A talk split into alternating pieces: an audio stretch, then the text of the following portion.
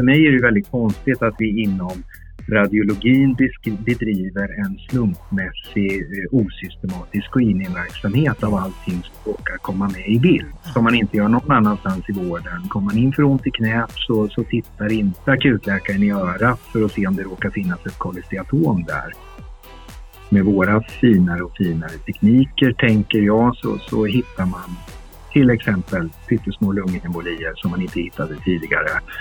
Det har drivit, eh, driver en behandling utav alla de embolier som man hittar men vi kan inte på, på ett övergripande plan hitta några, eh, någon ökad överlevnad. Eh, så hela den, hela den eh, utrednings och behandlingsdrivet blir ju i princip lågvärdevård när slutresultatet är detsamma som, som det var innan. Hur ska radiologin och sjukvården hantera det ständigt ökande flödet av metoder och undersökningar? Röntgenpodden intervjuar Mattias Axelsson om konceptet lågvärdevård och kampanjen Choosing Wisely. Hör Mattias berätta om hur vi allt för ofta gör mer skada än nytta och varför less is more i avsnitt 27 av Röntgenpodden.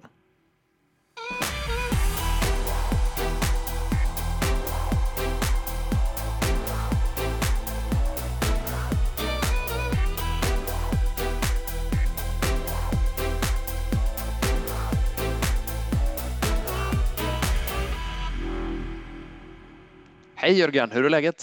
Hej Per, det är bara bra med mig. Hur är det själv? Jo, det är fint. Jag kommer just ifrån ungarnas fotbollsavslutning och eh, har rusat in lite småsvettig i poddstudion här. Du ser mer avslappnad och eh, semesterfirande ut tycker jag.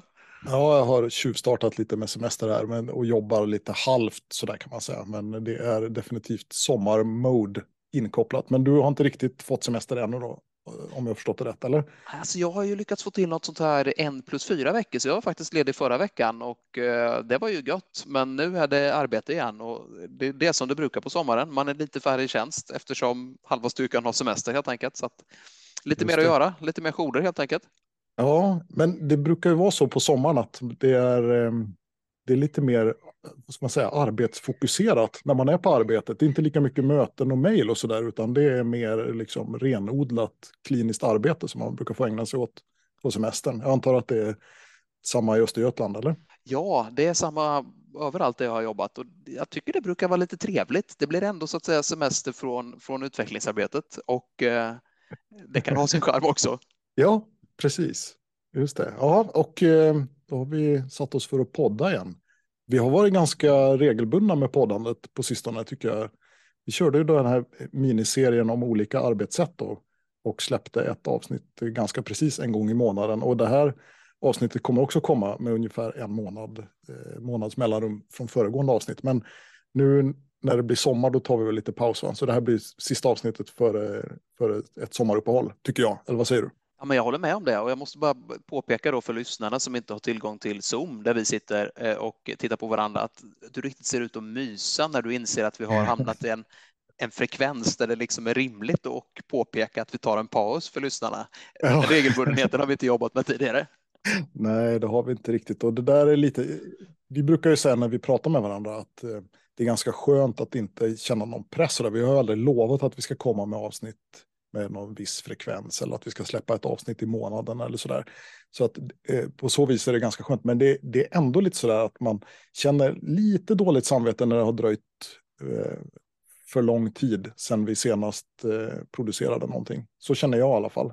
Eller ja, jag kan, jag kan hålla med och på det sättet var det ju bra med den här eh, miniserien där upplägget liksom var färdigt från början så att vi hade ämnena klara för oss. Men, mm. men eh, nu eh, går vi in i fristående avsnitt igen, eller hur? Exakt, exakt. Och nu så eh, har vi ju ett eh, intervjuoffer även till eh, detta avsnitt, men som alltså inte är inbjuden för att prata om olika sätt att arbeta. Eller ja, det kan man kanske säga att han är. Eh, vi ska prata med Mattias Axelsson som är funktionschef, tror jag hans titel är, på Karolinska sjukhuset i Stockholm. Eh, och han eh, är med som radiologins representant i en arbetsgrupp som ska implementera ett arbetssätt eller ett projekt, eller vad ska vi kalla det för, som heter Choosing Wisely, som syftar till att man ska försöka utmönstra åtgärder i vården som har eh, som inte tillför mervärde till patienterna. Så att jag pratade med Mattias via Zoom för drygt en månad sedan och intervjuade honom om det här projektet. Så det är han som är huvudperson för det här avsnittet av Röntgenpodden. Precis, och jag funderar på, alltså, vi, vi kommer ju diskutera det här eh, området lite internt också, men frågan är om vi inte skulle börja med att spela intervjun helt enkelt. Jag tycker vi gör det. Då har vi med oss en gäst i Röntgenpodden och det är Mattias Axelsson. Välkommen till podden Mattias. Tack så mycket. Eh, du och jag känner ju varandra lite grann sedan tidigare. Eh, jag randade mig på universitetssjukhuset i Linköping för ganska länge sedan började det bli nu. Det var 2014 och 2015. Och då var du, ja, klinikchef höll jag på att säga, det var väl inte din titel kanske, men du var no någon form av chef. Du får säga själv vad som är korrekt ja, titulatur. Ja. Nej, men då var jag verksamhetschef för, för eh, Linköpingsklinikerna, helt riktigt. Precis. Och nu sedan ett år tillbaka så har du blivit rekryterad till eh, Östergötlands norra delar, Stockholm, eller hur? Ja, men det stämmer bra. Sen, sen eh, ganska exakt ett år tillbaka så är jag funktionschef på medicinsk diagnostik Karolinska. Eh, där vi har, har eh, ungefär motsvarande sätt som, som eh, Östergötlands diagnostikcentrum har både all imaging, radiologi och labbverksamhet. Okay. För Karolinska och även labb för stora delar av övriga Stockholm. Mm. Så det är ett stort ansvarsområde förstår jag? Ja, men det är det. Det, det är brett och stort, på samma gång superspännande. Det, Ehm, det känns som det är rätt i tiden att knyta ihop våra olika diagnostiska specialiteter lite mera och, och korsningarna mellan labb och imaging tycker jag blir, blir tydligare och starkare för, i olika, eh, olika sjukdomsgrupper och patientgrupper eh, för varje dag Igen. Mm.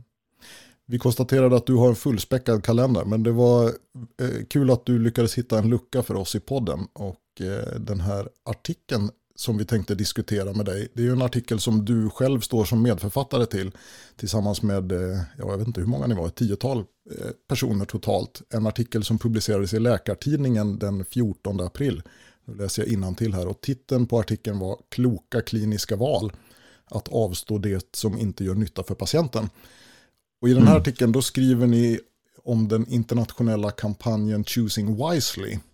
Eh, kan du lite kort beskriva för poddens lyssnare vad den kampanjen kommer ifrån och vad den syftar till? Ja, den, den har sitt ursprung tillbaka i 2012 då American Board of eh, eh, eh amerikanska internmedicinföreningen drog igång den. Och det var egentligen samma, samma bakgrund som, som eh, stora delar av vården står inför nu. Att man känner att det kanske det gjordes ganska mycket som, som kanske inte hade nytta för för patienterna. Så att målet var att identifiera åtgärder i sjukdomen som man tycker har svag eller ingen nytta för patienten och försöka underlätta en ut, utmönstring av det. Um, och, och, så har man ex, några olika angreppsvinklar för att, uh, för att nå uh, det målet. Men det är liksom den övergripande, övergripande syftet och, och uh, att främja, mycket jobba genom att främja samtalet mellan klinikern och patienten. Mm. Och i, I den här artikeln så pratar ni om begreppet lågvärdevård eller low mm. value care. Då, och, det var väl det du beskrev nu då, men kan du, eh, finns det liksom någon mer konkret definition på vad det är som är lågvärdevård och kan du säga någonting om, om varför det är ett problem? Mm.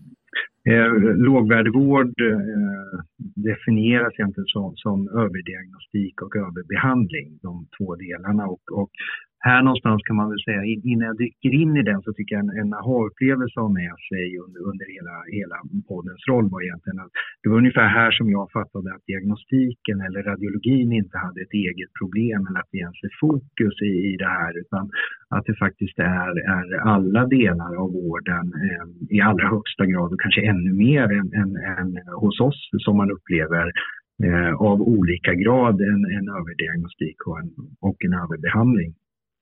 Ja, men det är de två, två eh, så att säga, definitionsbegreppen och, sen brukar man dela upp överdiagnostiken i överdetektion och överdefinition. Och, då mm. börjar vi komma in på förstås delar där, där radiologin är inne eh, väldigt, väldigt mycket.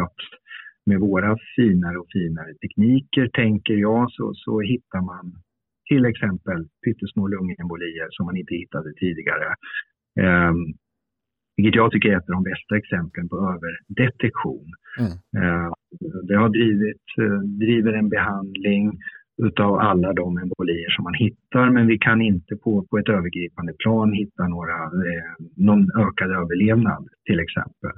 Mm. Så hela den, hela den utrednings och behandlingsdrivet blir ju i princip lågvärdevård när slutresultatet är detsamma som, som det var innan.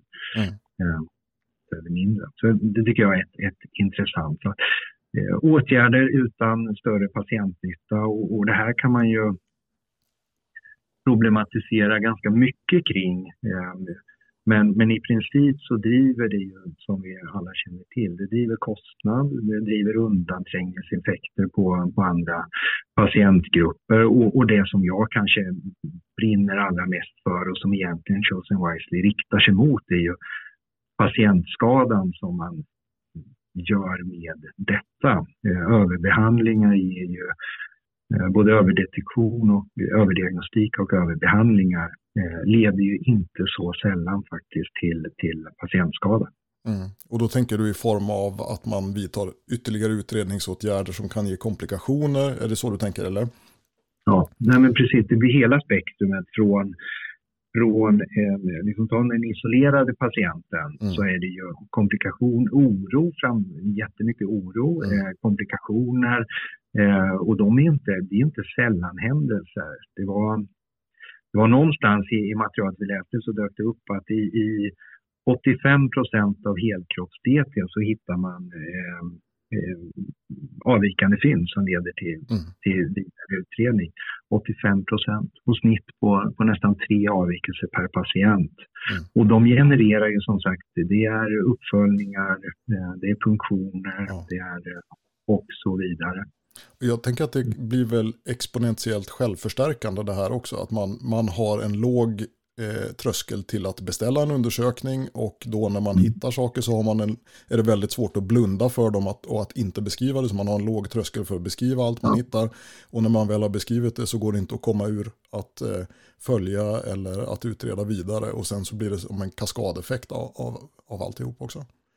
Ja, precis. Och, och liksom dyker vi över sen på hela, hela behandlingsdelen med alla, alla då blodförtunnande utav de här eh, ofta meningslösa lungembolierna med komplikationer till det eller korsreaktioner mellan olika läkemedel för att man behandlar för, för flera sjukdomar som man kanske inte riktigt har, har evidens för och så vidare. Så det, det är enormt om man börjar måla upp hela eh, patientbiverknings och skaderegister på, på att vi gör för mycket så, så är det, då är det ett rejält eh, problem. Mm. Eh, jag funderar på om det går att göra någon grov uppskattning av eh, hur stor andel av allt som vi gör inom vården som i själva verket är lågvärdevård. Det måste vara ganska svårt att räkna ut det, men eh, har ni någon, någon egen bedömning eller någon uppfattning om hur mycket det kan röra sig om? Ja, alltså vi har, vi har förstås spanat runt och det som, det som finns är, ju, det, det är väl mest från amerikanska sidan när man sätter upp till 20-30 procent av allt som sker som, som faktiskt är av, av det här låg, eh, lågvärdevårdskriterierna. Eh, och, och så har vi spekulerat mycket om, om det där, eh, hur mycket vi har evidens för hur, hur, rakt av det går att översätta och det kan man vrida och vända på. Men det finns ändå ett antal artiklar som, som eh, är ganska betryggande på upp mot 20 procent i, i eh, Sverige och, och Skandinavien också. Och, eh, vissa åtgärdsprogram som har, har, resulterat i kanske 30 procent i reduktion om man gör vissa åtgärder. Så att det är inte helt osannolikt att vi ligger i, i nästan samma, eller i samma eh, storhet. Mm. Man kan tänka sig att eh, systemens konstruktion och uppbyggnad, alltså vad gäller ersättningar och sådär, att det kan påverka hur mycket onödig vård som utförs. Om man tänker sig ett försäkringsfinansierat system kanske premierar att man gör en massa åtgärder. Men eh, eh du tror att det är likartade siffror i Sverige ungefär som i, Som ja, alltså vi har ju Ja, har, det, det, blir ganska lika egentligen som sagt när man har kikat och då kan man börja fundera på bakgrunden bakom som du säger. Kan det här verkligen stämma när vi har ett annat ersättningssystem? Mm. Um, och, och, då kan man väl ganska snabbt konstatera att det, är, det, är, finns ju många drivers eller vad man nu säger till den här eh, lågvärdevården eller defensive care eller, eller vilket begrepp man också vill använda. Men, men vi har ju i allra högsta grad eh, som jag säkert kommer loopa in på mera sen. Men, men vi har tillsynsmyndigheter som bara riktar sin tillsyn åt ett håll. Missad diagnos, missad dokumentation. Mm. aldrig gjort för mycket. Eh, vi har haft upprepade intervjuer. Det finns inget case på och IVO genom tiderna eh, som någon kände till eh, utav dem eh, därifrån som handlade om att man har gjort för mycket. Mm. Så vi har liksom hela, hela den kedjan, vi har hela samhällsstrukturen i förväntningar på vården. Eh, vi har vårdprogram som driver in alla i en, specifik eh, folla egentligen. Eh, och, och det är industrin som ja. driver också utveckling. Så att eh, ersättningsdelen är egentligen en ganska liten del och det finns många samhällsdrivers i samma riktning. Precis, och jag tänker också på det här med ersättningsdelen. Alltså vi gillar att slå varandra lite för bröstet här, här i Sverige, att vi liksom inte har den komponenten som, som i USA. Men just vad gäller detta så, så funderar jag på om inte vi har ett likartat problem i och med ersättningssystem via alltså det här New Public Management-tänket. Man får ju aldrig ersättning för att man låter bli att vidta en åtgärd, utan det, de ersättningar som betalas ut är ju för sånt man gör. Så det finns liksom en underliggande default till att saker och ting ska göras hela tiden, som i kombination med den här exponentiella kaskadeffekten som vi pratade om förut. Eh, det borde kunna bli ganska malignt, tänker jag. Eller är jag, jag fel, fel, ute, eller hur, hur tänker du? Nej, ja, det, nej, men det är helt riktigt. Det är ju eh, allt från, från ren ekonomisk ersättning till PIN-statistiken eh, eh, driver ju det här också. Och, och där, där är vi liksom inne kanske på en av mina eh, riktiga, riktiga, eh, jag tycker så många punkter delar i det här är jätteintressant, men just den evidens som ofta ligger till grund för när vi skapar våra vårdprogram. Mm. Eh, det är lite av kärnan också i, i Eh, vi följs ju upp på ett kvalitetsregister ofta till exempel att man ska ha gjort x antal pinnar där för att kanske få en ersättning. Kvalitetsregistret baseras på en riktlinje och riktlinjen baseras på, på någon typ av studie i grunden. Men, men studien säger ju bara att en, en, just den populationen som ingick i studien har i genomsnitt en viss effekt av en behandling. Mm. Gruppen som ingår i studien har i genomsnitt en viss effekt av behandlingen. Det översätter vi till att alla med den sjukdomen ska ha den behandlingen och sen in i ett kvalitetsregister där vi mäter att alla ska få det. Och då har vi liksom gjort våld på grundkunskapen för, för det var inte bra för alla. Vi vet inte ens om det var jättebra för 60 procent och dåligt för 40 i grundstudien. Um, och så har vi liksom genererat och så mäter vi pinnar där på slutet och till och med kanske sätter en, en ersättning på det. Då har vi, då har vi själva skapat en, en lågvärdesvård. Mm, precis. Jag tänkte på den, den, här frågan jag ställde till dig om hur stor andel av allt vi gör som är lågvärdevård. Eh, jag funderade lite på det själv, alltså i den kliniska vardagen, hur mycket av det som man, man fyller en arbetsdag ungefär är uppgifter som känns som att det här var nog rätt meningslöst egentligen. Eh, personligen så, så tänker jag att det kan nog stämma ungefär 20-30 procent som, som du nämnde. Eh, men bara för skojs skull, liksom, inför den här intervjun så la jag ut en, en enkät på poddens Instagram där jag bad lyssnarna att svara på den frågan och då fanns, finns det en sån här slider då man kan dra från 0 till 100 procent. Så satte jag dit en bajs-emoji så det blev så här vår bajsometer som, som lyssnarna fick svara på. Då, hur stor andel av arbetstiden ägnas åt meningslösa eh, uppgifter. Eh, mm. Vad tror du snittet blev? Och då ska jag säga att det inte bara är radiologer, utan det är rätt mycket röntgensjuksköterskor också som, som lyssnar på podden och en del som inte jobbar inom radiologi överhuvudtaget förstås. Men det är ju mest röntgenfolk i alla fall. Nej, men jag skulle tro att vi kanske ligger ännu lite högre i den bedömningen, både mm. för att man är bias och liksom ofta kanske lite, lite självuppfyllande, att det här visste jag att det inte skulle vara någonting, så, mm. så känner man det. Nej, men jag skulle nog gissa på att många drar eh, 30 procent. Ja, det, jag blev förvånad för det var över 50 procent faktiskt som, som var snittet. Mm. Ja, det var mer jag tror. Och sen var det några som svarade 100 procent och de var nog kanske bittra efter någon jobbig jour och sådär. Och sen är det, jag tror, det är väl som du säger att det är alltid lätt i efterhand när man inte hittar något. Så bara, ja, men det visste man ju att det här skulle inte vara något. Men det vet man ju inte förrän man har tittat. Och att man inte hittar något betyder ju inte att det är meningslöst förstås. Nej. Men det var ändå en, en intressant siffra tänker jag. Ja. Mm, eh, jag funderar på, eh, du är ju med i den här författargruppen som, som representant för radiologibiten då, eller hur? Eller kan man, säga, kan man säga så kanske? Jo, men det är det. det är inne, jag är där som, som från, från eh, Svenska föreningen för medicinsk radiologi är, nomineringen in i, i arbetsgruppen primärt. Mm.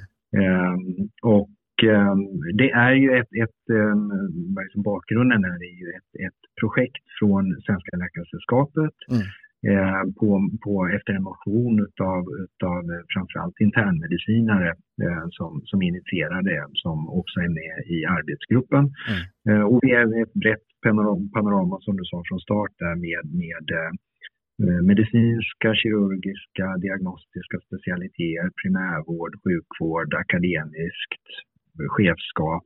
Mm. åtta, sex, sju, åtta personer med, med hela bredden. Eh, och jag kommer som sagt från, från radiologin. Mm.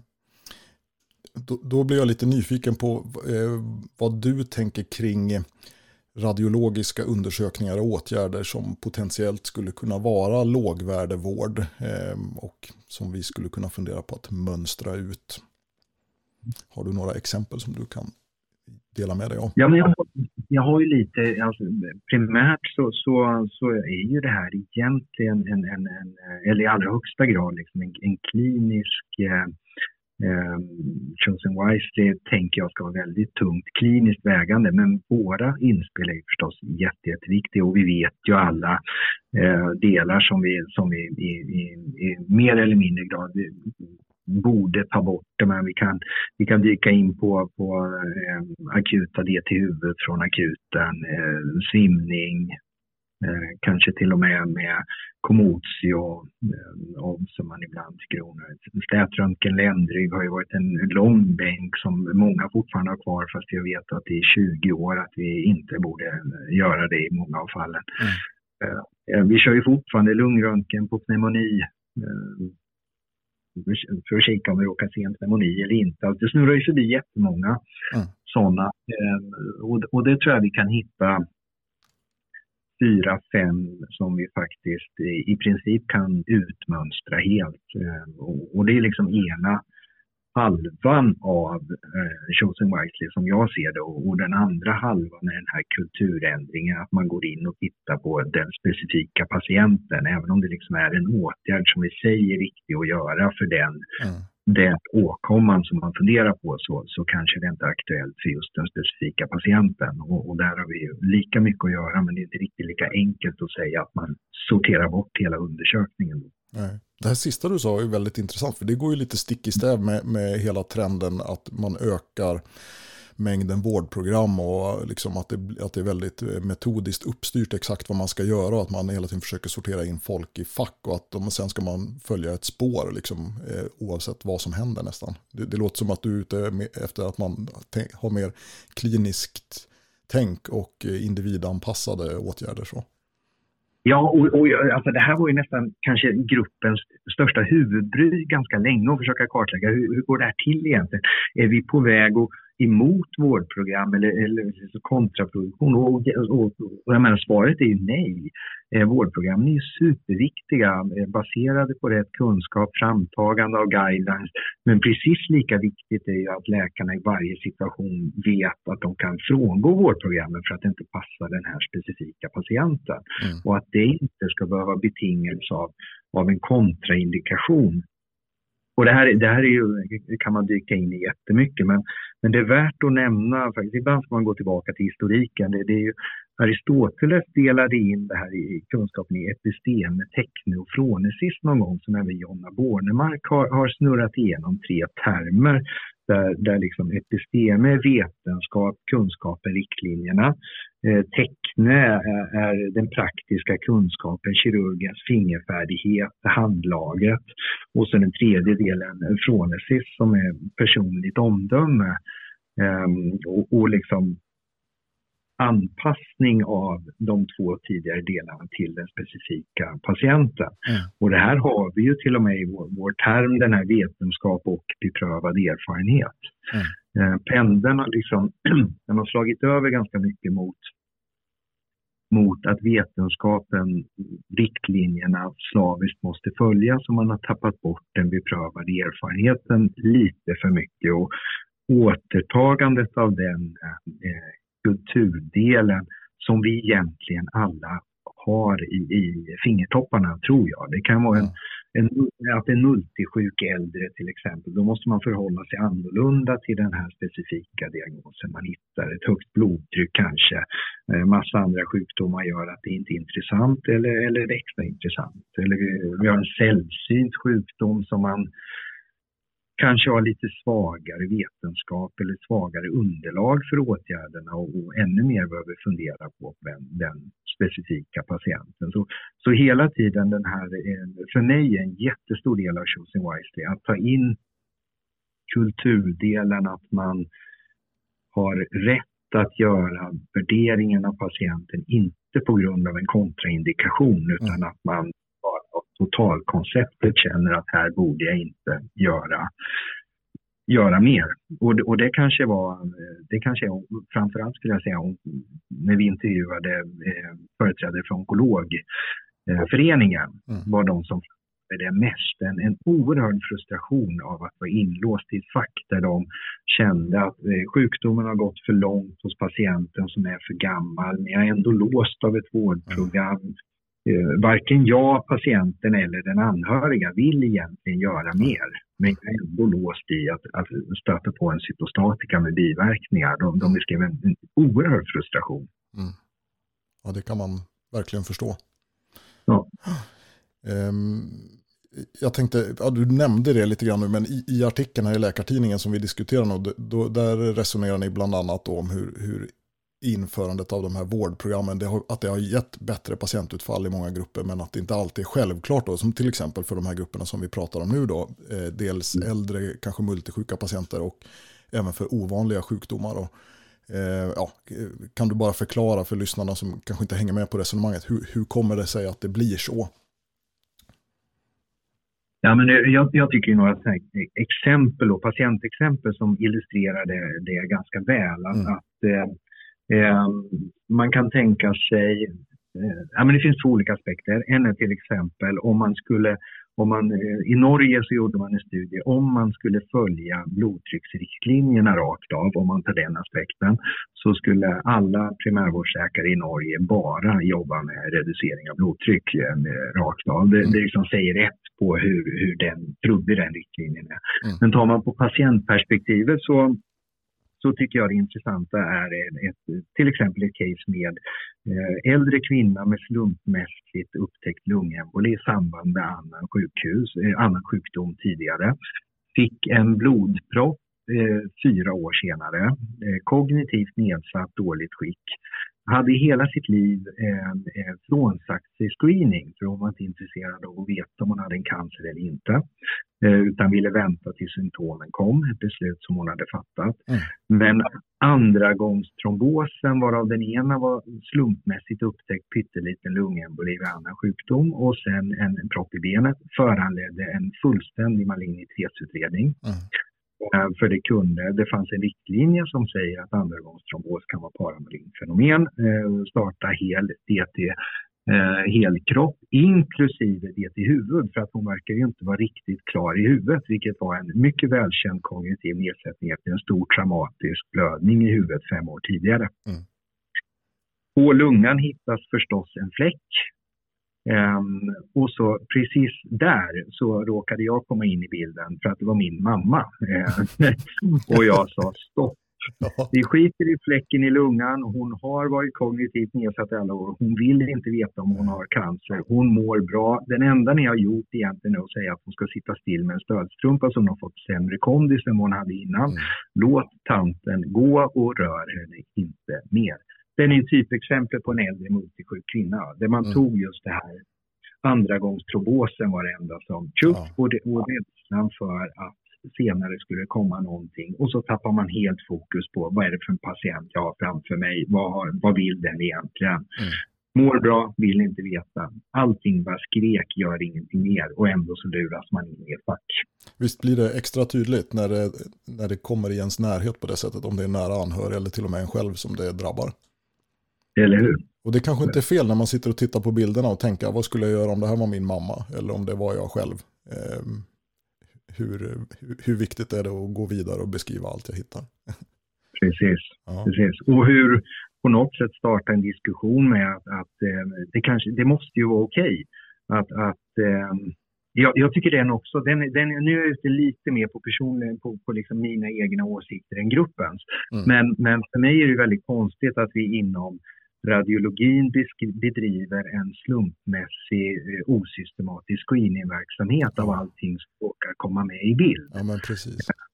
Som man inte gör någon annanstans i vården. Kommer man in för ont i knät så, så tittar inte akutläkaren i örat för att se om det råkar finnas ett kolesteatom där. Eh, men vi spanar över hela, hela, hela kroppen och mm. fynden vi upptäcker sätter vi samma värde om de är utan symptom som om de hade varit symptomgivande och det vet vi också att vi inte har kunskap om. Mm. Så ibland leker jag med tanken om vi faktiskt eh, gör tjänstefel i radiologin när vi tittar efter något annat än, än eh, riktade frågeställningar. Det skulle jag tycka var en superintressant diskussion att borra inom. Absolut, och det är ju det att även, även om det är ovanligt så händer det att man hittar signifikanta grejer. Alltså, vi har ju varit med och tittat på DT ländryggar där jag sett rektaltumörer som jag har beskrivit och som har liksom varit asymptomatiska men som då har kunnat upptäckas tidigt. Och det är klart, då blir man ju, det blir man ju färgad av då, eller hur? Så att, eh, ja. Och, och, det blir ju en annan diskussion. Ja, om man ska låta bli mm. att titta efter allt och aktivt bestämma att nej, vi ska inte beskriva något annat än just det som frågas efter. Då kommer man... Och, och det man, precis som du är inne på, och det som man kanske ser som är supertydligt. Men det här är ju en diskussion som, som vi måste bottna på riktigt. För jag menar, nu kommer vi in i, i hela eh, helgenomsekvenseringen. Mm. Och, och, där framkommer ju saker också. Så, där sitter vi i diskussionen och ser vilken vilken sannolikhetsgrad är det vi ska signalera? Och, genetikerna liksom leker med tanken att 30 procent ungefär, om det är 30 procent risk att det här faktiskt verkligen är en, en predisponering för, eller kommer bli en cancer, då, då ska jag signalera. Är det bara 20 så ska jag släppa. Och, och, och den diskussionen har vi inte haft i, i, den är bara i sin linda där och, och vi har knappt haft den i. Men man skulle kunna tänka sig att vi som radiologer gör otroligt mycket mer nytta med vår tid om vi inte mm. spenderar på den här utan siktar på frågeställningen, besvarar det som är klockrent men har en, en cut-off som är mycket, mycket närmare skjuten åt, åt andra hållet. Mm. Just det. Mm. Spännande. Jag tänkte fråga dig också, för jag, jag, jag frågade innan om eh, potentiellt onödiga undersökningar och åtgärder inom röntgen. Och då blir ju följdfrågan sen då, hur ska man bära sig åt för att mönstra ut den här lågvärdevården? Hur ska man göra konkret för att få kollegor att sluta beskriva saker eller sluta remittera till undersökningar eller sluta vidta åtgärder. Vad, vad, finns det för erfarenheter från andra länder där man har försökt mönstra ut lågvärdevård? Hur har man gått tillväga och vad har resultatet av de ambitionerna blivit? Ja, men det, man, det man gör då, då, då får man ju liksom luta sig mot Chosen Wisely ändå, som är kört i ganska många länder och det kan vara svårt att visa jättestora effekter men de har ändå en väldigt systematik som, som man bör anamma då och, och det är sex huvudprinciper som de säger. Att man, liksom, professionen är dragande, det är ingen ekonomisk faktor i det här utan det ska vara en, en kvalitet och en kompetensfråga. Så att Eh, professionen fram, kvalitet, fokus. Det ska vara multidisciplinärt. Vi sitter inte själva med radiologin utan då gör man det tillsammans med de andra. Eh, förstås främja patientdialog, det kanske inte är, och det är jätteviktigt i de här casen också, att man liksom stärker kliniken i, i diskussionen eh, om, om, vad man behöver göra och inte. Mm. Eh, och så väldigt transparent. Så Ehm, har man de chosen wisely-principerna samman med att man försöker trycka ut eh, ett gäng frågor både till, till kliniker och patient om, om eh, behöver jag den här åtgärden överhuvudtaget? Finns det något alternativ? Ehm, är den farlig? Ehm, och vad händer om jag inte gör något alls? Om man liksom har med sig de basfrågorna så tror jag man ökar oddsen att eh, både principen och basfrågorna för, för att, att, att kunna göra en, en eh, utmönstring. Ehm. Mm. I artikeln så ger ni exempel på några åtgärder som man har försökt att, att mönstra ut och där det har gått bra i vissa fall och i andra fall så har det varit mycket svårare. Eh, finns, det, finns det några teorier om, om ehm, varför det är så att det skiljer sig åt eller är det liksom en metodskillnad eller är det ja, vad beror det på helt enkelt?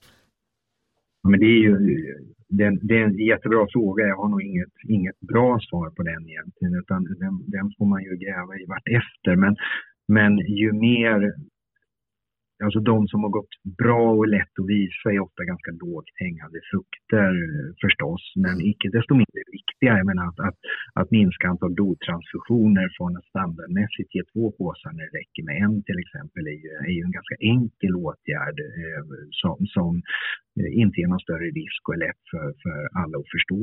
Eh, man har haft jättestor effekt i en norsk kampanj, Icke stick mig utan grund, som, som ett slagord för små barn. Mm.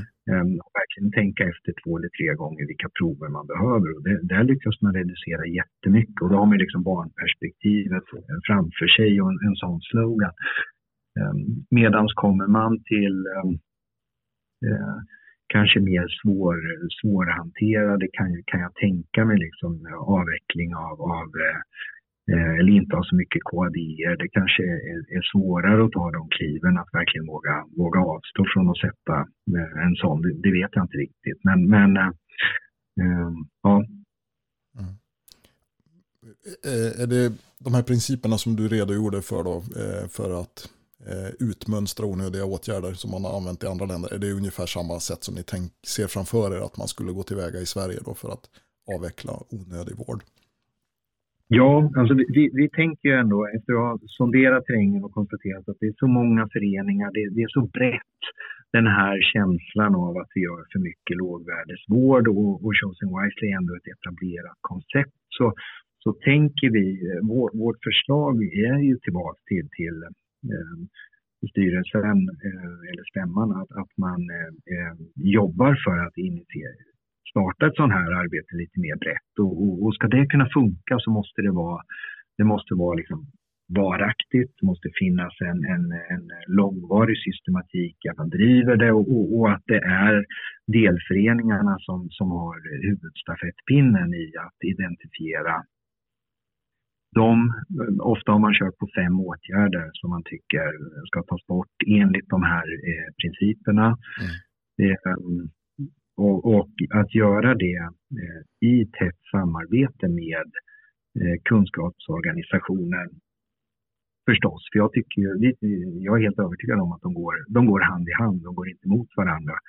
Eh, och så plocka jättemycket kunskap från Strama. Eh. Där har vi ju i Sverige, det är ju kanske ett eh, nästan skolboksexempel på ett Chosen Wisely-koncept som har nått hela vägen fram i en, en extrem reduktion av, av antibiotikabruk. Det är under ledning av professionen.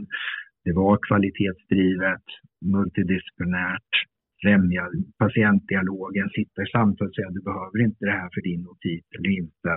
Baserat på evidens, och supertransparent i hela samhället. Det är liksom kanske, kanske den bästa föregångaren till, till eh, ett Chosen Wisely-koncept. Mm, härligt. Eh, tiden går fort Mattias. Jag, vet att du som sagt har en späckad kalender så det kanske är ett eh, bra ställe att avrunda på med en, en sån eh, positiv eh, ett sånt positivt exempel.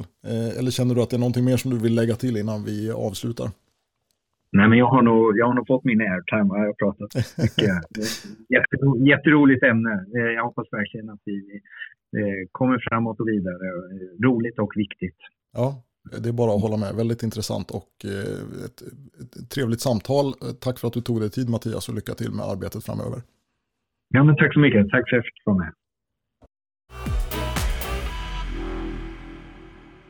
Ja, Jörgen, det där var ju intressant att, att, lyssna på. Mattias är ju en trevlig prick, det tror jag de allra flesta som har haft med honom att göra tycker. Ja, absolut. Jättetrevlig och en jätteintressant eh, intervju, eller jätteintressant ämne tycker jag att diskutera. Jag tänker väldigt mycket på det här i det vardagliga arbetet. Och jag vet att du också gör det eftersom vi diskuterar det här. Så det, det, var roligt att höra Mattias synpunkter och jag kan verkligen hålla med om ja, i princip allt han, allt han uh, säger i sina resonemang. Ja, alltså jag, jag, tänker så här att jag tror det finns väldigt många beslut man kan ta som är visa och på så vis gör vården bättre. Och om det är ingången att man ska bli bättre på att diagnostisera sjukdom så att säga så, så tror jag man har mycket att, att vinna. Men vad jag förstår så var det lite eh, Alltså det, det underliggande syftet här var att man skulle spara resurser också, eller hur? Målet var att man inte skulle göra vissa undersökningar alls, att man skulle undvika onödig diagnostik. Ja, eh, men då kanske jag får moderera lite, eller jag uppfattar inte riktigt på det sättet att det primära syftet var att spara resurser, utan att det snarare var en, en bieffekt som i och för sig inte är, som man inte har något emot att få så att säga. Men kanske det, det primära var väl att undvika åtgärder som bara medför, eller som till övervägande del medför besvär för patienter och, och, och, kliniker och som har potential att orsaka skada i form av komplikationer vid utvidgad utredning eller biverkningar vid insättning av medicin som patienten inte har någon nytta av och så. Så jag uppfattar kanske inte att det var det här med att spara pengar som var det primära, utan att det snarare det var ytterligare lite grädde på moset så att säga. Ja, just det. Eh, nej, för jag tänker ju på de här eh alltså strålningens skadeeffekter är ju väl kända, så på det sättet har ju röntgen det ändå ganska förspänt, det vill säga att man, man är ju som remittent medveten om att en eh, stråldos är ingenting man vill ge sin patient. Jag tror det är fler som har det så att säga Eh, som, som, fler som den associationen kommer upp hos när man ska beställa en röntgen än det är som tänker på potentiella läkemedelsbiverkningar om man ska sätta in, in en ny medicin så att säga. Ja, det tror jag också. Har, har du gjort den reflektionen någon gång att vilken jädra tur det är för oss att röntgenstrålar faktiskt är farliga? För om det var så att de inte var det, hur skulle patientflödet ha sett ut då? Då hade man antagligen satt en CT i entrén till akutmottagningen och kört alla patienter rakt igenom där innan de fick träffa någon vårdpersonal överhuvudtaget på akutmottagningen jag har tänkt den tanken och det, det, är ju kanske idag inte helt långt ifrån det faktiska förhållandet, men, men någon skillnad kvarstår kanske ändå. Än så länge så gör det ju det i alla fall. Ja. Nej, men vad jag tänker på när man diskuterar det här med att hushålla med resurserna är också att det ofta blir eh, en vinst i en ände och en förlust i en annan. Det här med se till hjärna efter Komotio till exempel, det är ju någonting man kan undvika om målet är att spara röntgen, spara, spara strålning och så där. Mm. Men då ska man ju i allmänhet övervaka patienten istället och, och, och vårdplatser är ju heller ingenting vi har överskott av så att säga. Nej, precis. Och mycket, mycket av det här eh, känner jag, det kokar ju ner till det här med vårdplatsbrist. Det är ju det, är ju det som i väldigt stor utsträckning driver mycket av de problem som, som eh, Mattias och jag pratade om i den här intervjun. En annan sak jag tycker man, man bör diskutera i de här sammanhangen, det är ju liksom vem har egentligen bollen? Alltså, om det kommer en riktlinje från någon form av nationell grupp av ett eller annat slag, då mm. känner man ju ändå som läkare att den, den får jag ju följa. Liksom. Hela systemet skulle ju rasa samman om, om vi hade massa riktlinjer som fanns som vi inte följde. Mm. Om man då missar något så skulle väl förmodligen eh, ansvarsnämnden inte vara road heller. Jag tänker på att en hel del av de undersökningar jag uppfattar som lite ovanliga mm. görs ju egentligen bara för att det uppifrån har kommit direktiv om att så ska ske. Alltså, titta på de här C-turografierna på patienter med, med makrohematuri till exempel som ja. har gått helt överstyr. Ja. Det hade ju inte remittenterna kommit på själva att de skulle skicka en patient för en tredje C-turografi för att en patient har en, en hemorragisk cystit. Nej, precis. Och, och då blir frågan, det var väl det du tänkte på kanske, vem tar ansvar för undanträngningseffekten eller vem har, vem har vägt in den aspekten i, i kalkylen?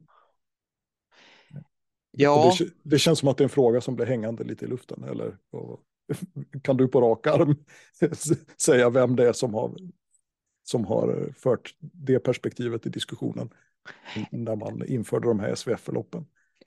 Nej, det, det, kan jag inte säga, men jag, jag, jag, kan säga att man som, som läkare så att säga, på golvet känner sig lite trängd av att å ena sidan så, så har man långa checklistor över vilka utredningar som ska bli konsekvensen av ett eller annat symptom. Ja. Och samtidigt ska man försöka minska antalet undersökningar. Det, det går liksom inte ihop. Nej, och sen är det också svårt att inte bli lite cynisk när man tar upp en sån här undersökning som man vet att det är väldigt låg sannolikhet att jag kommer hitta en njurtumör på, till exempel på en patient som har en för övrigt asymptomatisk makroskopisk hematuri. Det är ju väldigt sällan man, man hittar något på dem faktiskt. Eh, så dels så vet man att det är ganska liten sannolikhet att man hittar någonting och dels så har man den här pressen att det måste göras inom en väldigt kort tidsram som också framstår som, som lite svårmotiverad när eh, liksom fyndfrekvensen är så pass låg som den är. För, ja, jag vet inte, om man, om man liksom hade sållat ut det på ett annat sätt så att man hade haft högre hitrate, då hade det varit lite lättare att motivera sig till att titta på dem där snabbt. Men eh, om man ändå aldrig hittar någonting så känns det väldigt konstigt att det dessutom ska ske snabbt. Så, så är det ju. För att raljera lite grann. Och, och, och man blir också orolig tycker jag när man tänker på att en och annan av de här patienterna som har helt ospecifika symptom faktiskt har en allvarlig sjukdom också. Ja. Eh, vi pratade du... om det, du hade hittat ett, eh, en, en spridd malignitet hos en patient där misstanken var synnerligen låg. Ja, precis. Det var, liksom, frågeställningen var en helt annan egentligen, så att den här spridda maligniteten var ett bifynd kan man säga. Och det Eh, var då eh, en patient som hade blivit liggande på, på listor lite för länge med facit i hand. Eh, och det är alltid lätt att säga i efterhand. Det, det är väl det som, är, liksom, som man återkommer till hela tiden. Att eh, när sådana här fall uppdagas så då börjar man liksom nysta i den änden. Hur kunde det här ske? Och så börjar man eh, ändra på rutiner för att det inte ska hända igen. Och det blir väldigt mycket hängslen och livrem överallt. Och eh, eh, återigen, kanske ingen som riktigt tar perspektivet.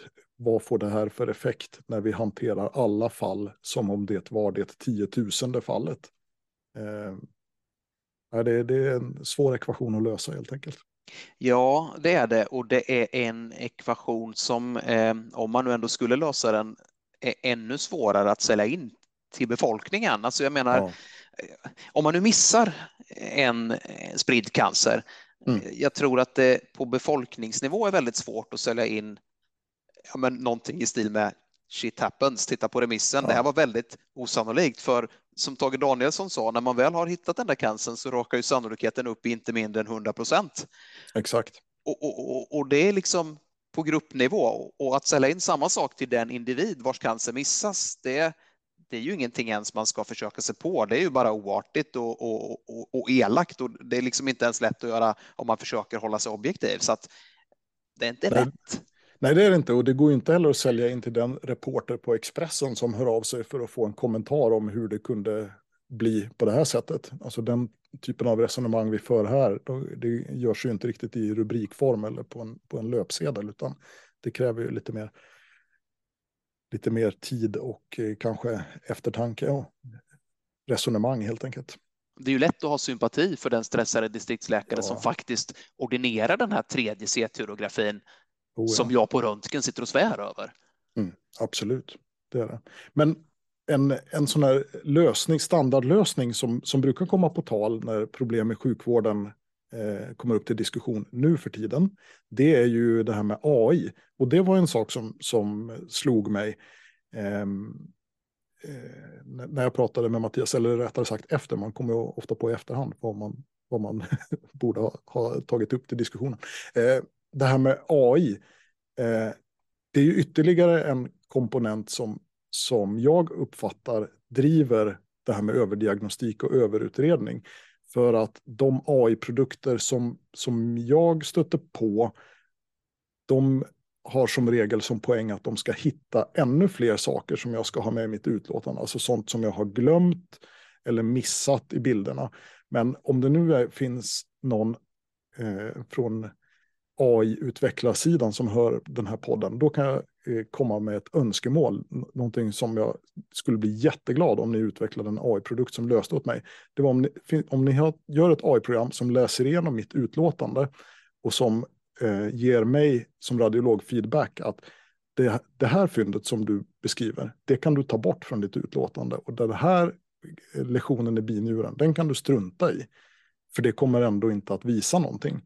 Den typen av AI-lösningar skulle ju kunna eh, hjälpa till att rensa upp lite i det här träsket. Men tyvärr så verkar det som att de allra flesta jobbar i andra riktningen och det bidrar ytterligare till den här eh, maligna kaskadeffekten som jag pratade lite om i, i intervjun med Mattias. Att vi hittar fler och fler saker som ger upphov till fler och fler följdutredningar och kompletterande undersökningar med risk för bifynd och läkemedels eh, att man sätter in patienten på läkemedel som de får biverkningar av och så vidare. Jag är helt med dig. Jag kommer ihåg när vi eh, höll på och skulle eh, klippa samman, sätta samman avsnittet när vi intervjuade Peder Wiklund. Jag vet inte hur många gånger jag lyriskt uttryckte mig över den fantastiska specificiteten så att säga, alltså ja. att den inte larmade för allt för många falska eh, lungembolier. Exakt, och det där med lung, lungembolier, det, det var också jätteintressant tycker jag att Mattias tog upp det, för det är en sån här grej eh, när, man, eh, när man tittar på, ska dubbelgranska utlåtanden från, från andra radiologer och så, och så hittar de, så, eh, har de hittat en jätteliten lungemboli någonstans perifert och då blir, det, då blir man så lite kluven. Liksom. Ja, eh, det var väldigt duktigt och skarpsynt att hitta den där lilla ursparningen. Men det skulle nästan vara ännu duktigare om du hade sett den och låtit bli att beskriva den och liksom aktivt tagit ställning till det. Och kanske framförallt när det gäller ST-läkare, för ST-läkare de är jätteduktiga och de kan hitta jättesmå saker. Men eh, jag blir nästan ännu mer imponerad när, när de kommer till nivån att de har sett något och bestämt sig för att skita i det. För då det är liksom lite next level. Så. Ja, det är extra svårt när man vet att någon annan ska eftergranska utlåtandet. Ja också. Ja, precis. Exakt. För det blir liksom ytterligare ett lager av komplexitet. För det kan ju också vara så att den som gör den primära granskningen har sett det och tänkt att ah, jag tror kanske inte riktigt på det där. Och så vet de att det sitter någon som ska dubbelgranska och så skriver man det för säkerhets skull så att det inte ska komma ett tillägg. Så det, det, det kan ju bli på det sättet också. Men du, om vi nu leker med tanken då att vi eh, liksom eh, ska försöka hitta en väg framåt. Jag känner ju lätt när de här ämnena diskuteras att jag regredierar till någon sorts eh, cynisk kritiker och det, det har sina poänger, men, men vi vill ju ändå någonstans bidra till utvecklingen. Om, om man leker då med tanken att eh, det finns mer forskning som stöder eh, det här programmet som, som Peder Wiklund har jobbat med. Ja. Att AI är jättebra på att både detektera och att avfärda möjligheten av lungemboli. Mm. Anta då att man helt enkelt bestämmer sig för att eh, lungemboli, det är en undersökning som körs och sen tolkas den av AI och de tittar på lungartärerna. Och inget annat? Nej. Ja. ja. Vore det rimligt tror du? Det vore det ju ända till den dagen som det kommer en patient som har en lungcancer som inte blev rapporterad av AI-programmet för att det var programmerat att inte titta på lungparenkymet och sen så hittar man den ett år senare när patienten har börjat hosta blod och gått ner i vikt. Och så börjar man rota i tidigare undersökningar och se att den fanns ju där redan då. Då, då återkommer vi till det här resonemanget vi hade först, att det blir ganska svårt att, att eh, försvara det i rubrikform i Expressen. Ja, så är det ju. Men eh, tänk dig att du eh kommer till akuten med eh, samma lungcancer mm. och så får du en behandling för eh, bronkit och du blir aldrig röntgad så att säga. Är det felet mm. mer eller mindre allvarligt? Alltså förstår du vad jag försöker, ja, jag vad jag försöker fiska efter här? Att, eh, ska vi verkligen hålla den linjen att vi som, som radiologer är ansvariga för att all patologi och därtill potentiell patologi som går att utläsa av bildmaterialet är vi skyldiga att redovisa? Eller, eller ska, ska vi försöka släppa den helt enkelt? Alltså frågan, ja. Jag kan ha ett lungnoduli som visar sig vara en, en lungcancer. Ja. Det kan du också ha, men vi, vi är inte röntgade. Nej, men visst, absolut. Men skillnaden är väl att här finns det bildmaterial tillgängligt. Alltså, det är skillnad på att inte ha tagit fram bildmaterialet och att ha tagit fram bildmaterialet och inte tittat på det. Ja, jo. jo. Alltså, jag, så, helt, så är det jag, jag, har tänkt massor med gånger. Tänk om det gick att köra en CT-buk utan att få med binjurarna. Gud vad skönt det skulle vara. Den, den undersökningen skulle man ju välja alla dagar i veckan.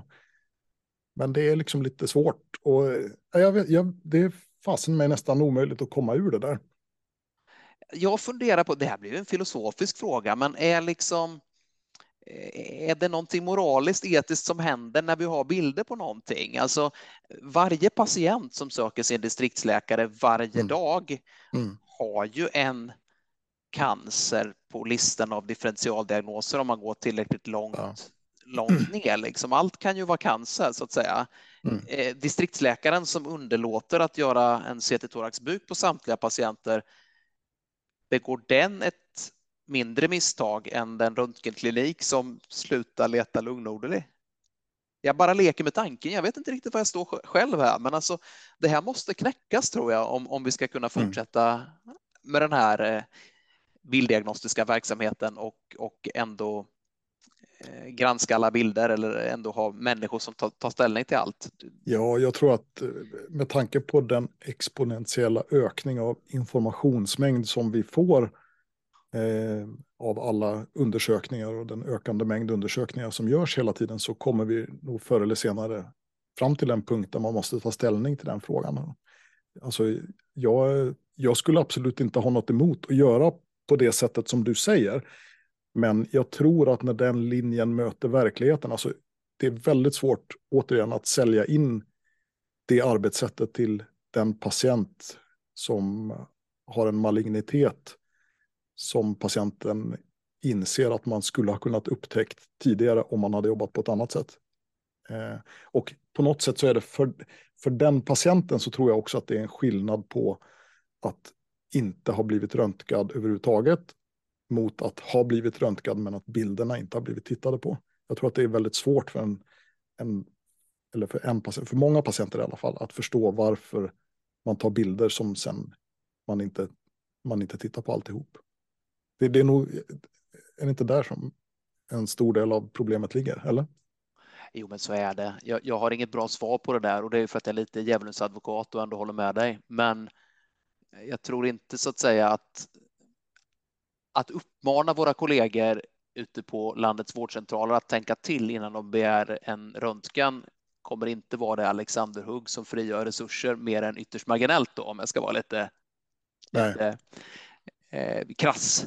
Det, det, det, är jättebra, men, men jag tror inte det är det som är lösningen på befolkningspyramiden och explosionen av röntgenundersökningar med uppföljningar och så, utan jag tror det måste, jag tror det måste till i längden med drastiska åtgärder och, vilket jag försöker få fram här, eh, en del beslut som är lite obekväma. Alltså att, att, välja klokt innebär någonstans att någon måste ta ansvar för att säga att här ligger ribban. Exakt, ja, men det här återkopplar ju lite till, du skrev ju en krönika i Läkartidningen för det börjar bli ett tag sedan nu, ganska, det var ju flera år sedan, eller hur? Det var där du kallade mig för cyniskt lagd kollega för övrigt. Ja, så var det. Men, men det... det har, jag har inte förlåtit dig. Det har du inte det? Nej. Nej, men för där skrev du just om det att eh, det är väldigt lätt att välja till saker och att prioritera saker hela tiden. Men det är eh, väldigt få som tar ansvar för att välja bort saker och som säger att eh, ja, vi ska göra, vi ska prioritera patientgrupp A och B, men det förutsätter att vi prioriterar bort patientgrupp C och D. Nej, alltså när Expressen ringer så kommer du inte undan med resonemanget oavsett om du är direktör för, för eh, röntgendiagnostiken i Östergötland eller klinikchef för röntgen i Motala eller radiolog på röntgen i Motala. Nej, precis. För att utgå från den egna verkligheten så att säga. Mm. Ja, det blev lite filosofiska rummet av det här du Per. Ja, det blev det. Eh, mm. Men du, jag tänkte på jag hade ju föreslagit att vi skulle uppmana lyssnarna med att komma in med förslag, men du som är poddens eh, sociala medieredaktör hade ju redan gjort det jobbet på Instagram, vilket är ett, ett socialt media jag inte använder, så jag, det hade gått mig helt förbi. Ja, just det. Eh, då hade du missat den där bajsometern också som jag pratade med Mattias om. Ja, eh, jag tänker vi måste nästan redovisa den här bajsometern, inte bara för mig utan även för lyssnarna. Ja, men det får vi göra. Eh, när jag lägger ut eh, nyheten om att vi släpper det här avsnittet, då, då får jag lägga ut en bild på den där bajsometern. Och eh, eh, då delar jag också eh, några av lyssnarnas exempel på onödiga röntgenåtgärder som de tycker att vi, eh, att vi gör. Så kan ni få se om, om det blir några igenkänningspoäng på den listan. Det är jag tämligen övertygad om att det blir. Ja, det, jag, jag kan i alla fall ge väldigt många igenkänningspoäng på många av, av de eh, exempel som lyssnarna skickade in. Vi kan väl öppna för att den, den lyssnare som har ett Alexanderhugg på systemnivå får gärna, får gärna skicka det i våra sociala medier också. Alltså hur, hur, hur ska man gå tillväga egentligen för att resurserna ska räcka till åt ja. den växande befolkningen, åldrande befolkning och eh, inte minst ett antal radiologer som ska titta på fler och fler bilder fast vi inte riktigt ökar i antal ja, eh, i samma tempo så att säga. Absolut, nej, alltså man kan sitta och diskutera det här lite skämtsamt men eh, problematiken är ju i högsta grad reell så att eh, eh alla konstruktiva förslag eh, tror jag eh, är värdefulla i, i diskussionen. Det kommer bara bli mer aktuellt ju, ju mer tiden går och ju mer undersökningsmängden ökar. Och knäcker man problemet så får man en Röntgenpodden t-shirt, eller hur? hur ja, vi har, väl, vi har inga t-shirts, men jag lovar att om någon knäcker problemet då ska fasen mig trycka upp en, en Röntgenpodden t-shirt. Det är det minsta vi kan göra tycker jag.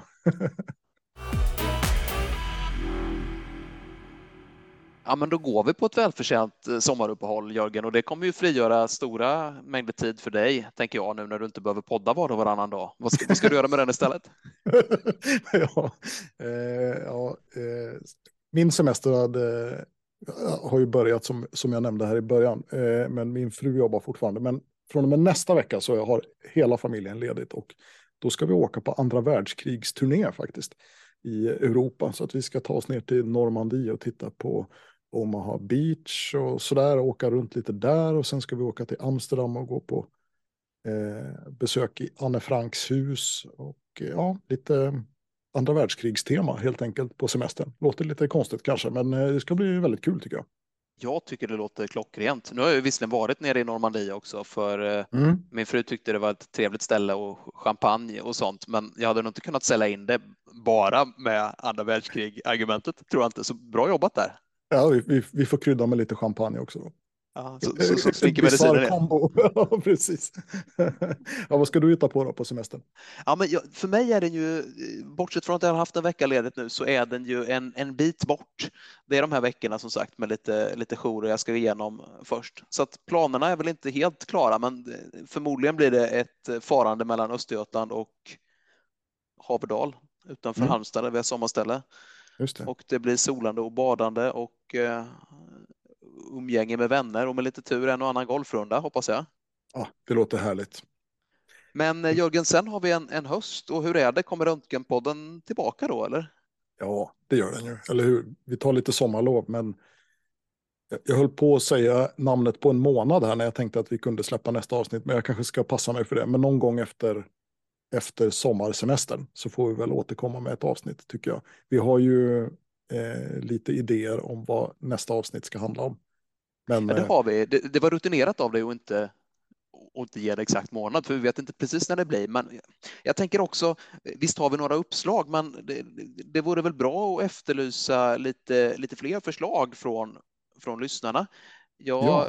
jag är inte den som är mest aktiv på sociala medier, men jag uppfattar ändå att responsen på dina bajsometrar och, och vad du hittar på, den är god. Men, ja. men, det där med förslag på ämnen, det, det har, eh, vad ska jag säga, klingat av lite. Ett tag fick vi ganska många önskemål och eh, på senare tid inte, inte så många kanske. Nej, det, det har vi väl inte fått tycker jag, så att vi får helt enkelt upprepa den uppmaningen till lyssnarna. Att är det så att ni har någon idé om ett ämne som ni tycker skulle vara intressant eller kul om vi tog upp så får ni jättegärna höra av er till oss. Och enklaste sättet att göra det, det är ju att skicka ett meddelande antingen på Facebook eller Instagram. Eh, det går också bra att mejla till röntgenpodden.gmail.com. Det är jättekul tycker jag när lyssnarna hör av sig och eh, eh, det vore väl bara roligt om vi fick förslag på ett ämne som, som vi också tycker skulle vara kul och som vi kan göra ett avsnitt om framöver, tänker jag. Om man inte riktigt känner att man kan förtjäna t-shirten genom att lösa vårdens kapacitetsproblem så kan man i alla fall ge förslag på ämnen för Röntgenpodden att prata om. Just det, så får vi se om det renderar i en nytryckt t-shirt någon gång framöver. Allt kan hända. Allt kan hända. Eh, men Jörgen, jag kan inte påstå att jag har någonting eh, jag vill quencha idag. Jag har väl gnällt tillräckligt inom ramen för eh, avsnittets huvudrubrik, tror jag. jag har du något att... annat? Nej, jag har inte heller någon quench på lut. Det känns också lite, eh, det, det vore väl att, att, sluta på en lite tråkig, eh, i en lite tråkig tonart om man slutar med en quench inför sommarlovet. Så att vi kanske ska, ska sluta där. Men en sak vi kan nämna det är ju att vi har en omgång av kursen i basal akutradiologi på gång till hösten och det finns fortfarande enstaka platser kvar faktiskt. Så att eh, är det så att eh, man är, är eh, intresserad av att gå kursen och den är ju skapad framförallt för juniora ST-läkare, men vi har även haft med eh, AT-läkare och eh, eh, röntgensjuksköterskor eller radiografer, vilket man nu föredrar på tidigare kursomgångar. Så även eh, andra än just ST-läkare i radiologi är välkomna. Och nästa kursomgång går vecka 40 på plats som fysisk kurs i Eksjö. Och är man intresserad av att gå den kursen eller läsa mer om kursen så kan man gå in på eh, kurshemsidan som är akutradiologikursen.se. Bra så det, kan, det, så det kan vi ju nämna för lyssnarna. Men annars så har jag väl inte något mer att säga egentligen. Då tycker jag vi, vi eh, börjar nynna lite på den blomstertid nu kommer och sen så önskar vi lyssnarna en trevlig sommar och på återhörande då på oklar tidpunkt men framåt hösten. Framåt hösten så hörs vi igen och eh, ha nu en riktigt skön sommar alla lyssnare av Röntgenpodden.